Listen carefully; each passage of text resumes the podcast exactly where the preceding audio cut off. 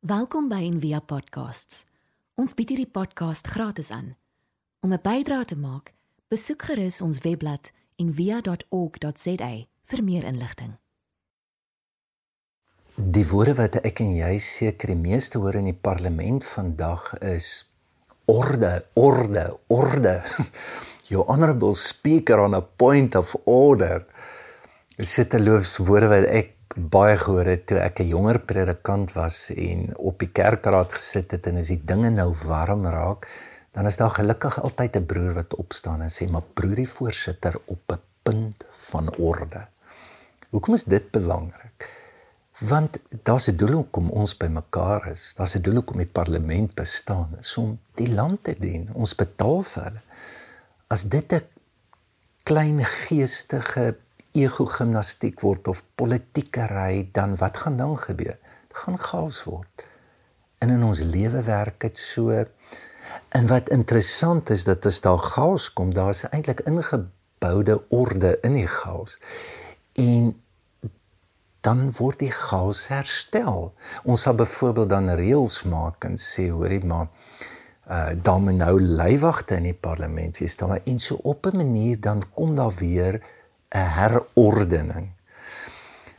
Ek wil volgende paar weke gesels oor hierdie Bybelse patroon wat ons help om te verstaan hoe die Here transformasie bring in ons lewe.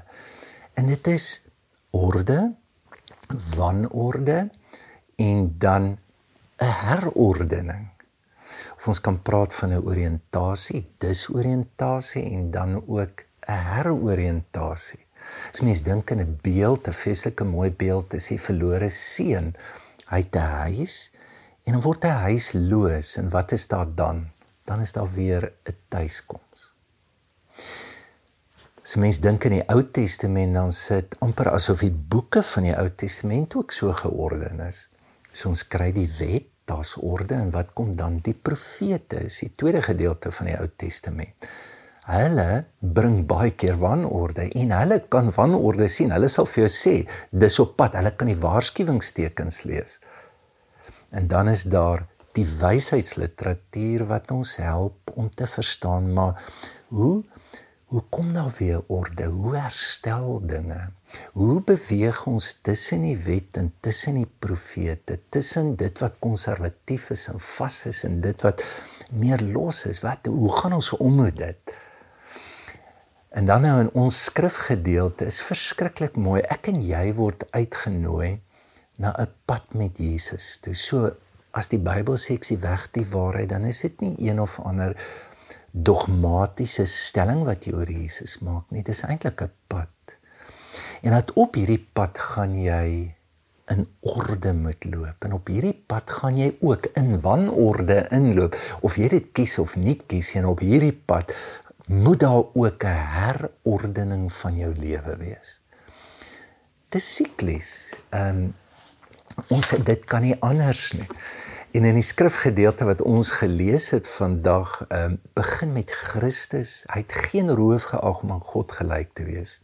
God wat alles vashou, wat wat al hierdie wette, wat die orde van hierdie skepping bepaal. Jesus is soos hy en is dit. Maar wat doen hy dan? Hy word 'n mens.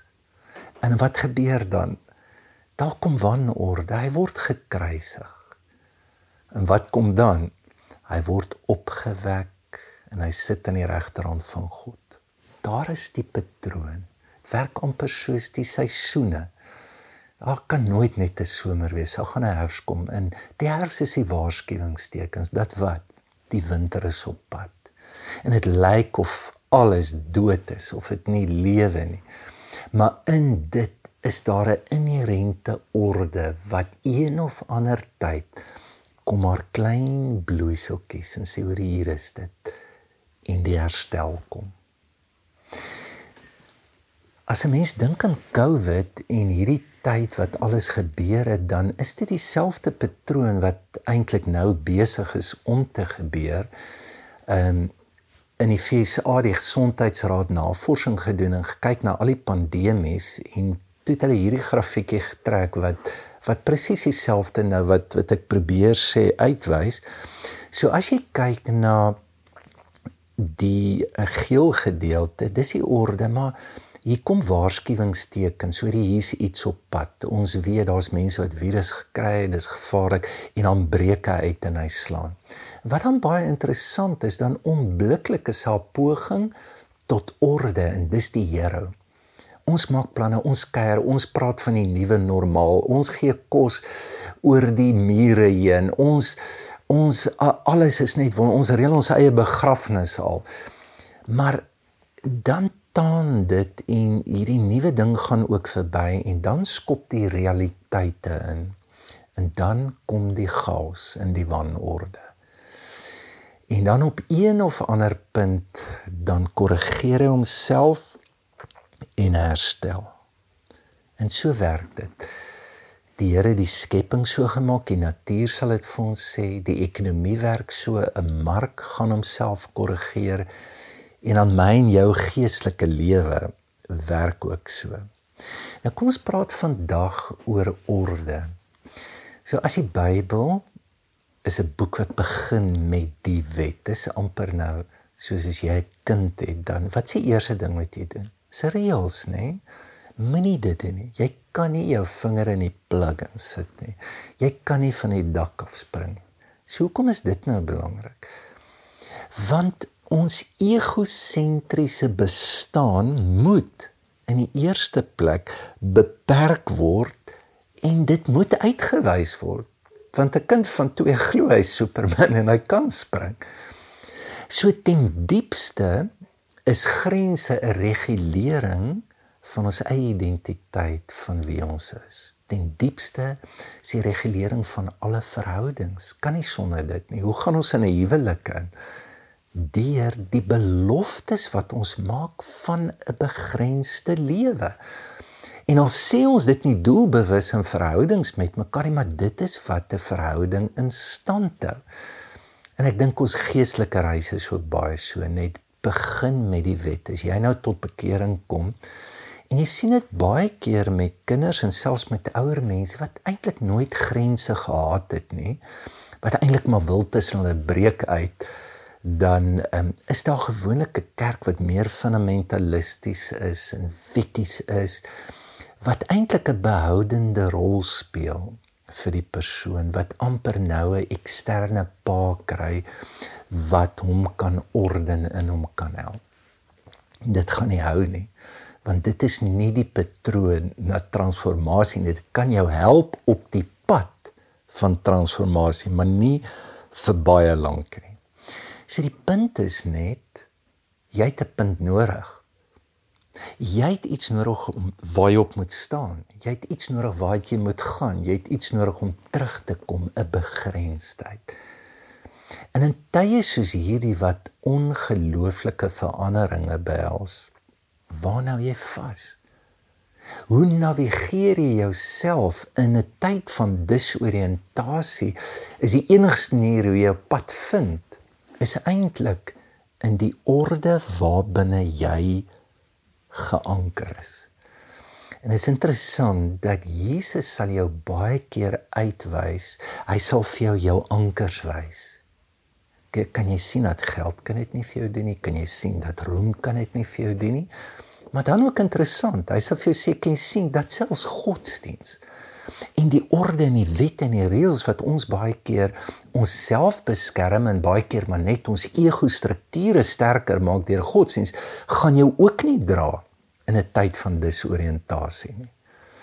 Ek wil Miskien net twee dinge noem oor orde. En as ons dink maar hoe hoe skep ons orde? In die eerste plek, jy kan dit net deur liefde doen hè. Hoe meer orde, hoe meer liefde, hoe meer liefde, hoe meer orde. Ek bedoel jy gaan al hoe meer opofferings maak. Jy gaan al hoe meer grense hê om by die persoon te wees. Want hoekom? Die persoon is ongelooflik spesiaal. Dis hoe jy kyk na die persoon hè wat Eh, wat jou die omgee bring. Um, soos 1 Korintiërs 13 wat sê love is willing to believe the best of every person. En as jy dit begin te glo, dan sal goed wat jy sny in jou lewe. Nou ek wil kom ons kyk vinnig Brené Brown, baie van julle ken haar met haar bekende TED Talk oor vulnerability.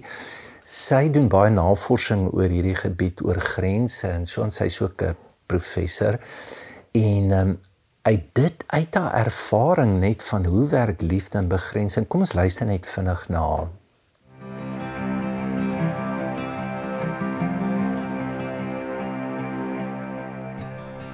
One of the most shocking findings of my work was the idea that the most compassionate people I have interviewed over the last 13 years were also the absolutely most boundaried. Because most boundaried. They, so I'll give you a great definition of the, the, the definition of boundary that I use in the book. Boundary is simply what's okay and what's not okay. What I think we do is we don't set boundaries. We let people do things that are not okay or get away with behaviors that are not okay, then we're just resentful and hateful. Me, I'd rather be loving and generous and very straightforward with what's okay and what's not okay. Um, and I did not, I, that I learned from the research. I was the exact opposite. I, I assumed for the first 35 years of my life that people were sucking on purpose just to piss me off. Mm-hmm. That's what I assumed. Um, that yeah, right. Whether it was someone who worked for me or it was someone who, family member who was constantly like, I was always critical and judgy. And I was like, why are they choosing these things? Why are they making their choices? They should know better. And then when this thing came up from my therapist, what if people are doing the best they can? I thought, my husband had the most beautiful answer to that question. He said, I'll never know whether people are doing the best they can or not. But when I assume people are, it makes my life better. So now I think I am not as sweet as I used to be, but I'm far more loving. It's not just some like technique so that you can do that. That's really like a way of being to like nurture that soil of wholeheartedness. Yeah. Generosity to assume the best about people is almost an inherently selfish act because the life you change first is your own. Love yourself. Yeah. And so it's so my question is big, B I G. Mm-hmm. What boundaries need to be in place for me to stay in my integrity and make the most generous assumptions about you? But generosity can't exist without boundaries, and we are not comfortable setting boundaries because we care more about what people will think, and we don't want to disappoint anyone. We want everyone to like us, and boundaries are not easy. Um, but I think they're the key to self love, and I think they're the key to treating others with loving kindness. Sustaining. Sustaining. You can't, nothing is sustainable without boundaries. Ek dink 'n baie belangrike ding wat ons ook moet sê wat sy sê is nothing is sustainable with wrong boundaries. Dit's nie net sonder boundaries nie. Ehm um, want wat is die teenoorstelde van liefde? Dit is vrees, nê? En baie keer word ons grense uit vrees geskep. So jy sal dit baie keer in 'n ouers sien wat vir 'n kind sê moenie dit doen, moenie dit, moenie dit, jy mag nie dit. So wat sê jy eintlik vir die kind? Jy sê vir hom jy kan nie. You, you don't have what it takes. Dis eintlik wat jy sê. Wat jy eintlik doen is jy dalk jy probeer beheer en is miskien in ons grafiekie wat ons gekyk het daai as die krisis slaan daai verskriklike klim van die Here is baie keer maar net vrees. Nee wat ons 'n kunsmatige orde probeer herrangskik. As iets verskriklik donker in grense wat so geskep word uit vrees dat dit eintlik grense is wat jou vernietig. Dis wat Jesus uitwys in godsdiens. Dit is amper asof hy uit sy pad uitgaan om die wet te breek, want hy breek dit met sy disippels. Hulle breek die Sabbat hulle breek die reinigingswette wat daar is en dan die implikasies daarvan is dat jy kan die doodstraf verdien. En dan konfronteer hom en dan sê hy, maar hoor jy het nie gekom om dit te breek nie, ek het gekom om dit te vervul. En die woord beteken om dit sy volle betekenis te gee. En hy was duidelik oor wat dit beteken. Dit is maak dit ons meer lief watter groter grense kom in plek dat daar 'n dieper liefde kan kom. Dan net in die laaste plek, ek dink nie ons kan daar gaan nooit 'n uiterlike orde wees as daar nie 'n innerlike orde is. En dit wat ons buite in plek het, is 'n weerspieëling van dis hoe jou hart lyk. Dit was die probleem met die fariseërs. So dis eintlik baie maklik om godsdienstig te word te lyk soos 'n Christen, te praat soos 'n Christen, te sing soos 'n Christen, Bybel te lees soos 'n Christen. En Jesus vra hierdie vraag vir die Fariseërs: "Hoekom maak julle die beker aan die buitekant skoon en hoekom nie aan die binnekant nie?" In sy hele betoog oor die wet is dit, hy sal byvoorbeeld sê vroeër is daar sê, "Maar ek sê vir jou, hulle sal oor oorspel praat dan sal hierdie hierdie radikale stelling sê hoorie maar Hy wat na 'n vrou kyk en haar begeer, dit is oorspel. Hy praat van 'n totale nuwe ordening in jou hart. Hier is die uitnodiging vir my en jou.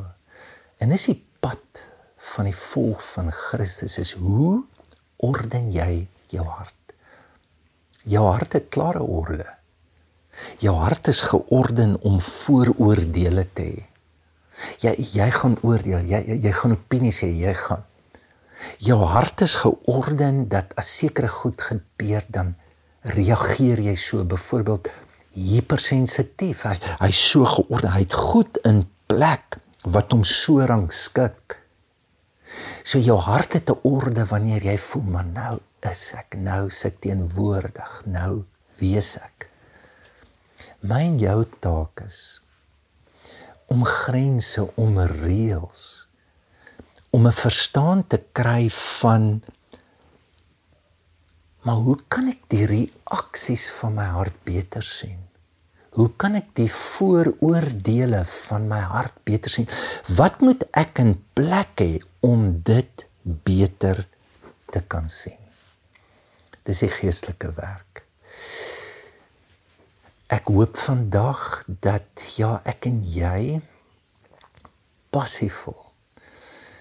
Ehm um, die liefde wat ek en jy begeer van God ook sal sien hoe dit die orde vra wat ek en jy nodig het om hierdie liefde groter te maak. Ek hoop dat ek en jy vandag kan sien hoe die die wanorde baie keer 'n ontsporing is van belangrike goed wat ons nie kan sien in ons lewe nie. Dat ons baie keer die waarskuwings in ons lewe mislees, maar dat God binne in ons dat dat die ingeboude orde daar is, sy teenwoordigheid, sy nabyheid om ons te help om dan ook die pad te kan loop na herstel, na diep diep transformasie en verandering van ons lewe. Ons hoop van harte jy het hierdie podcast geniet of raadsaam gevind. Besoek gerus en via.ok.za vir meer inligting.